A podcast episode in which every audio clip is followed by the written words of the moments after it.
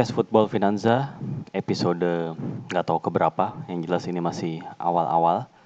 Tapi di sini uh, gue masih ingin menceritakan ya hal-hal yang basic-basic yang ringan-ringan aja. Yaitu untuk kali ini adalah tentang uh, referensi literasi ya. bacaan bacaan-bacaan apa yang mungkin bermanfaat gitu kalau lu pengen mengetahui aspek finansial, industri ataupun bisnis, marketing uh, dari sepak bola gitu ya. Dan ini nggak uh, namanya juga literasi nggak cuman sebatas buku, tapi bisa juga uh, apa website atau bisa juga channel YouTube atau atau bisa juga uh, akun Twitter yang di follow ya macam-macam lah ya.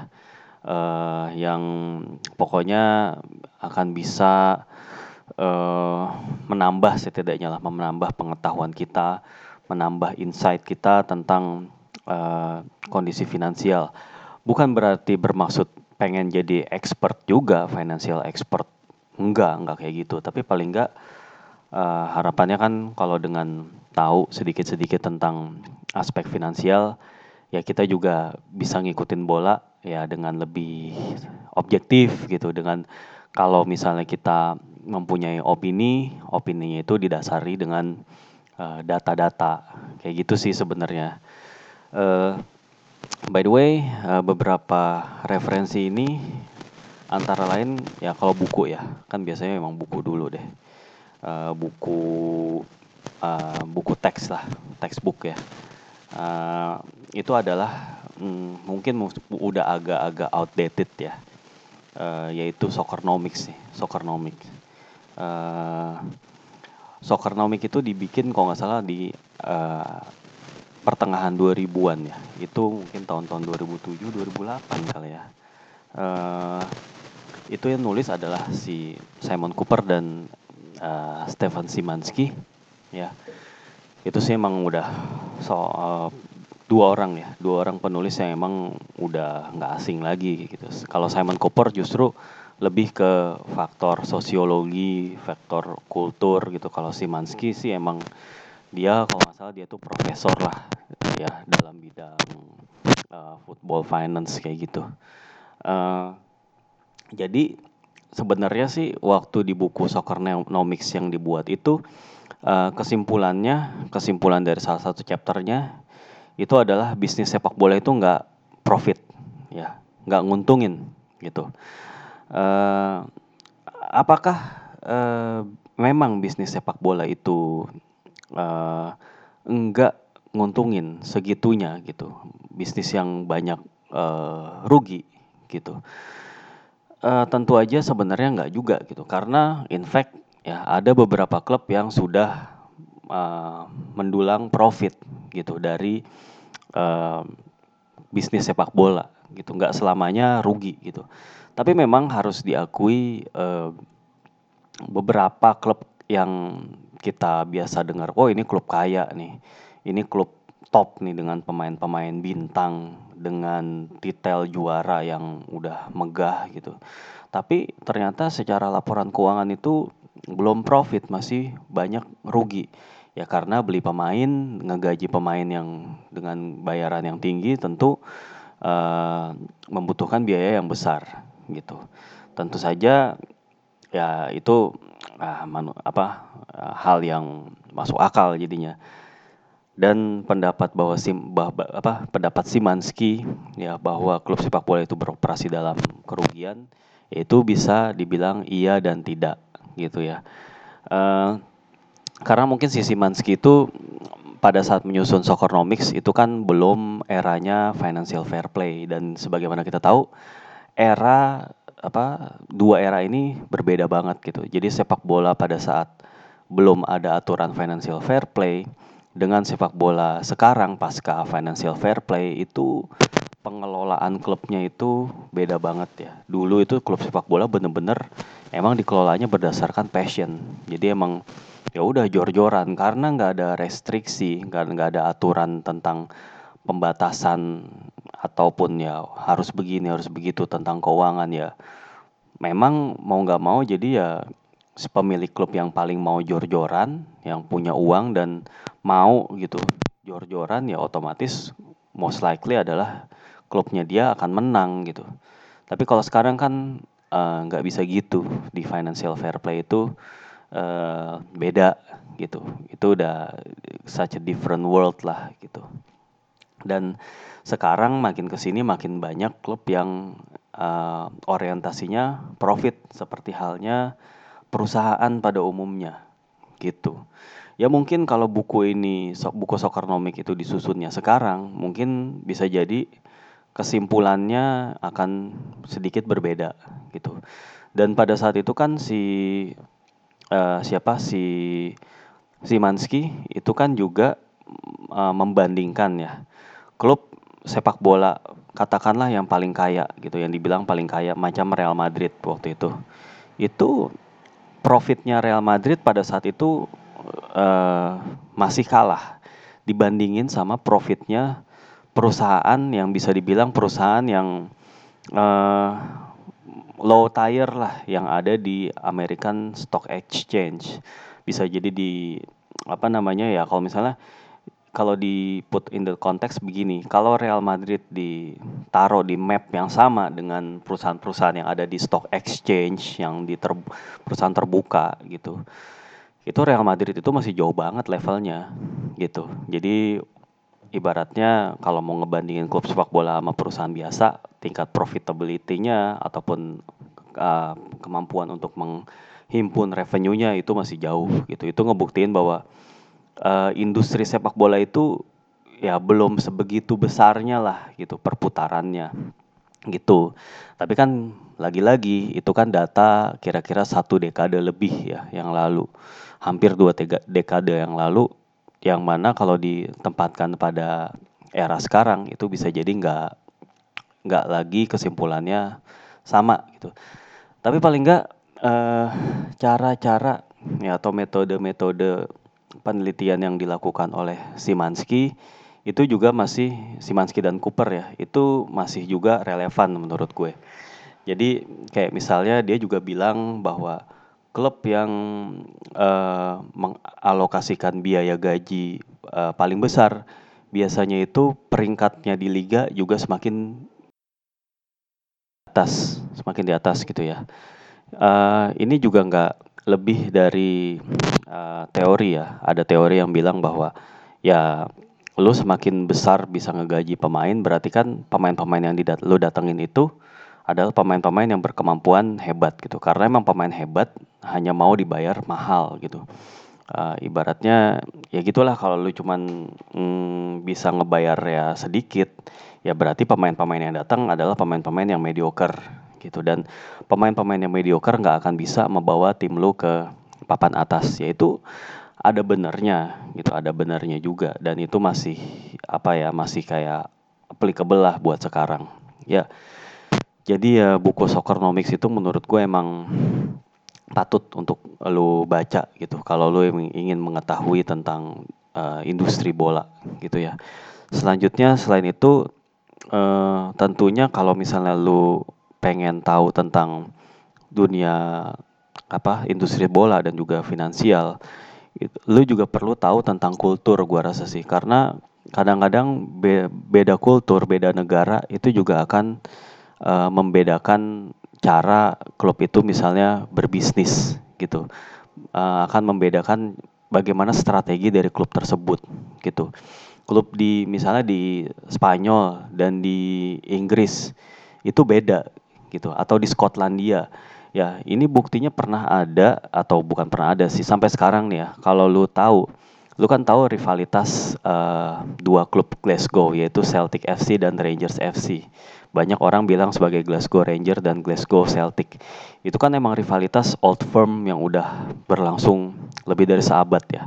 Uh, rivalitas yang didasari oleh uh, perbedaan apa uh, sektarian gitu ya, agama gitu ya, akhirnya masih masih berlangsung hingga sekarang dan tiap derby old firm itu emang berlangsung dengan panas gitu ya. Dan ini juga bahkan sampai berpengaruh kepada pihak sponsor ya. Kalau lu perhatiin uh, beberapa kali ya misalnya uh, sebuah produsen bir itu ingin mensponsori salah satu klub itu Rangers dan Celtic. Nah mereka itu nggak akan mensponsori salah satunya doang, tapi mereka menawarkan dua klub itu. Itu jadi ada waktu itu perusahaan bir namanya Tenants ya, Tenants itu mensponsori Rangers dan Celtic. Gue juga tadinya bertanya-tanya kok bisa ya dua rival ini uh, sama gitu sponsornya gitu. Tapi ternyata itu emang uh, jadi hal yang emang disengaja oleh produsen dari bir tersebut atau perusahaan tersebut karena mereka nggak mau nih karena dua tim ini memiliki basis supporter, basis massa yang sama-sama besar gitu. Artinya kalau mereka hanya mensponsori salah satu, mereka berpotensi kehilangan uh, market yang besar gitu. Akhirnya mereka mungkin melakukan approach ya kepada dua kesebelasan ini ya udah sama-sama gue sponsorin lo sama-sama aja deh gitu. Gue nggak juga gue juga belum terlalu tahu apakah besar nilai sponsornya juga sama atau gimana. Tapi yang jelas dengan mensponsori dua klub terbesar di negara itu ya pasti market mereka akan sangat-sangat bagus gitu dibanding harus mensponsori salah satunya gitu. Ya artinya itu kan uh, kalau misalnya apa ya secara kultur juga lu mesti tahu gitu. Eh, nggak cuman uh, keputusan-keputusan dalam manajemen sepak bola itu nggak cuma didasari oleh angka tapi juga ngelihat kulturnya ya begitu juga kalau misalnya lu sebagai manajemen misalnya lu nge-manage klub yang kecil klub yang belum punya nama ya tentunya strategi manajemen lu, strategi marketing, strategi transfer lu itu akan beda ketika misalnya lu uh, bertindak sebagai manajemen klub yang uh, punya sejarah dan punya tradisi gitu. Ya. Ambil contoh Ralf Rangnick ya yang waktu ketika dia hendak di-approach oleh AC Milan, sebelumnya dia menangani uh, grup Red Bull gitu ya.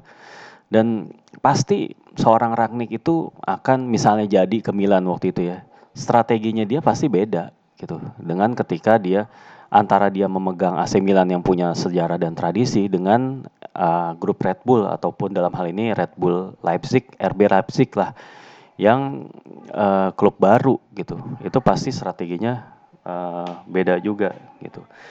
Nah, ya hal-hal kayak gitulah yang membuat lo juga harus tahu setidaknya kultur dari sepak bola di berbagai belahan dunia gitu. Atau paling nggak yang mainstream mainstream lalu tahu gitu.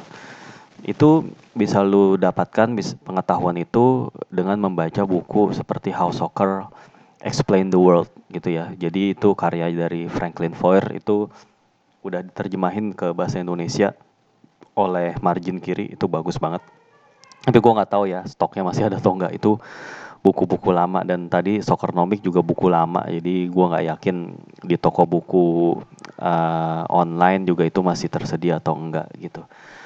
Uh, kalau buku sih gue rasa uh, selain dari dua itu tetap lo perlu tahu lu perlu baca Inverting the Pyramid sih. Inverting the Pyramidnya Jonathan Wilson tuh tetap menurut gue udah udah kayak bahkan uh, udah kayak kitabnya lah untuk pe, kalau lu penggemar bola lu tuh perlu baca itulah gitu.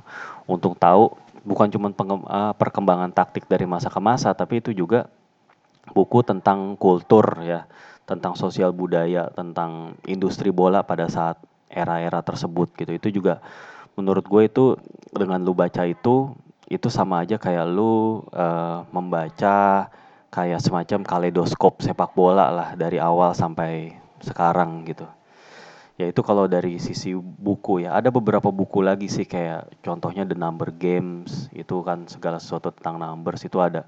Ada buku-buku tentang football business of football atau football marketing yang kayak gitu-gitu juga perlu lu baca juga. Tapi ya kalau misalnya emang buku itu agak-agak sulit dicari ya kalaupun ada lu mesti cari di toko buku impor dan berbahasa Inggris ataupun juga mungkin lu harus nitip atau misalnya lu lagi jalan-jalan ke luar negeri ada rezeki gitu lu mampir ke toko buku lu cari di situ. Atau kalau lu punya temen yang tinggal di sana lu bisa nitip juga gitu. Uh, mungkin kalau buku itu aja sih. Tapi kalau di luar dari buku itu banyak jelas. Misalnya sekarang uh, lagi ngetren kan channel YouTube ya. Channel YouTube yang uh, apa banyak juga yang ngebahas tentang financial itu kayak Tivo Football itu beberapa topiknya sangat bagus untuk menjelaskan tentang financial. Contohnya pada saat mereka menggambarkan financial fair play itu cukup bagus banget penjelasannya dan mudah dimengerti gitu.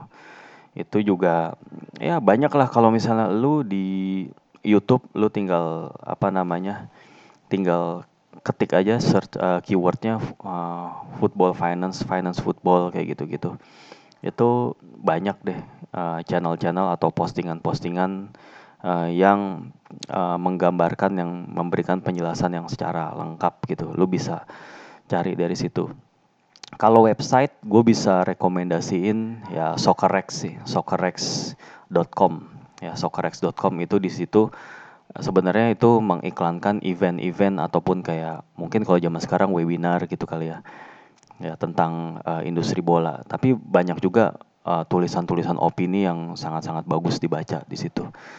Terus ada juga uh, Forbes uh, websitenya Forbes yaitu banyak banget opini-opini tentang industri bola di situ. Nggak cuma bola doang malah olahraga lain juga banyak ya di situ terus juga ada soccernomicsagency.com. Itu emang uh, website yang kayaknya dikelola oleh Stefan Simanski sih. Itu emang uh, di situ banyak tulisan-tulisan dia yang pokoknya ya pengembangan dari buku Soccernomics ya. Lu bisa baca di situ. Terus selain itu juga uh, website Football Finanza juga ada. Lu bisa baca beberapa tulisan-tulisan lawas sih kebanyakan emang uh, udah lima tahun uh, vakum gitu ya baru sekarang sekarang ini diisi lagi. Jadi ya mohon maaf aja kalau tulisan-tulisannya itu nggak update gitu ya. Tapi ya bisalah dibaca-baca kalau emang lagi iseng gitu. Terus kalau akun Twitter ya banyak banyak banget sih akun Twitter. Ya Football Finanza jelas salah satunya. Tapi akun Twitter yang lain pun kayak FC Business ataupun Soccerx juga ada atau KPMG Football Benchmark itu juga ada ya banyak lah ya nah tadi juga uh, eh, KPMG juga punya uh, apa namanya uh, postingan ataupun publishing atau mereka sering mempublish artikel atau jurnal atau data-data uh, yang sangat berguna untuk lu tahu bagaimana peta kekuatan klub secara finansial. Kadang-kadang KPMG ngebahas tentang uh, share sponsorship, tentang stadium revenue atau apa pun itulah yang mau lu ketahui tentang bisnis sepak bola. Dan lu juga bisa lihat tentang UEFA, UEFA juga ngeluarin rilisan sih, ya kayak semacam apa ya namanya, gue lupa. Kalau nggak salah UEFA Football Benchmark atau apalah itu, itu uh, rilisan dari resmi dari UEFA tiap tahun itu ada, itu bagus banget, itu juga perlu lu baca. Dan tentunya Deloitte Football uh, Money League itu uh, laporan tentang uh, posisi revenue klub mana yang revenue-nya paling banyak dan dari mana aja sumbernya itu juga tiap tahun ada tiap biasanya awal-awal tahun sih Januari Februari itu udah dipublish oleh Deloitte sebuah firma keuangan ternama. Itu juga patut untuk dibaca menurut gue yang kayak gitu-gitu. Publishing publishing yang seperti itu yang bisa memperkaya pengetahuan lu tentang industri bola gitu. Atau mungkin kalau lu punya ya lu punya rezeki lebih uang lebih ya lu bisa ikut webinar-webinar yang diselenggarain oleh banyak sih sport bisnis atau apalah gue lupa namanya kayak ya kayak Soccer Rex itu kan juga sering ngadain kayak seminar gitu ya.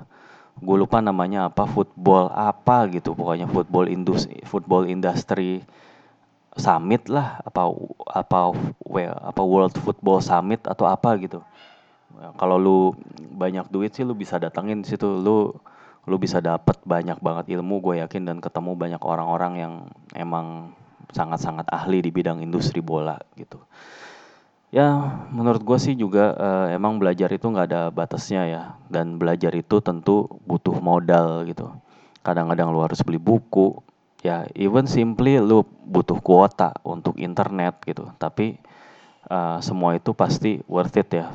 Uh, bayangin kalau lu dalam dalam seminggu deh nggak usah dalam sehari seminggu lu ngabisin lo alokasiin aja waktu kayak dua jam aja untuk baca tulisan-tulisan atau dengerin postingan-postingan yang kayak kayak gitu. Menurut gue dalam waktu setahun lu udah akan banyak tahu lah. Coba aja rasain impactnya gitu. Dalam seminggu berarti kan seminggu itu dalam setahun itu ada 52 minggu.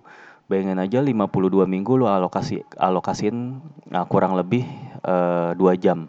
Jadi kan paling enggak lu ada 100 jam lebih gitu.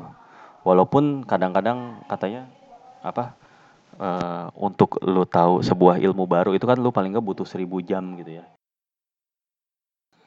Ya kalau emang uh, lu pengen lebih cepat ya tentu lu tambah lagi porsinya gitu. Ya emang simply intinya nggak ada cara instan gitu, nggak ada cara yang uh, benar-benar singkat. Ketika lu pengen tahu sesuatu itu butuh pengorbanan, butuh apa ya, butuh keseriusan dan butuh ketekunan sih, gitu kurang lebih. Ya udahlah, uh, kurang lebih itu aja rekomendasi atau referensi-referensi yang mau gue share. Oke, sampai jumpa lagi dalam postingan berikutnya. See you.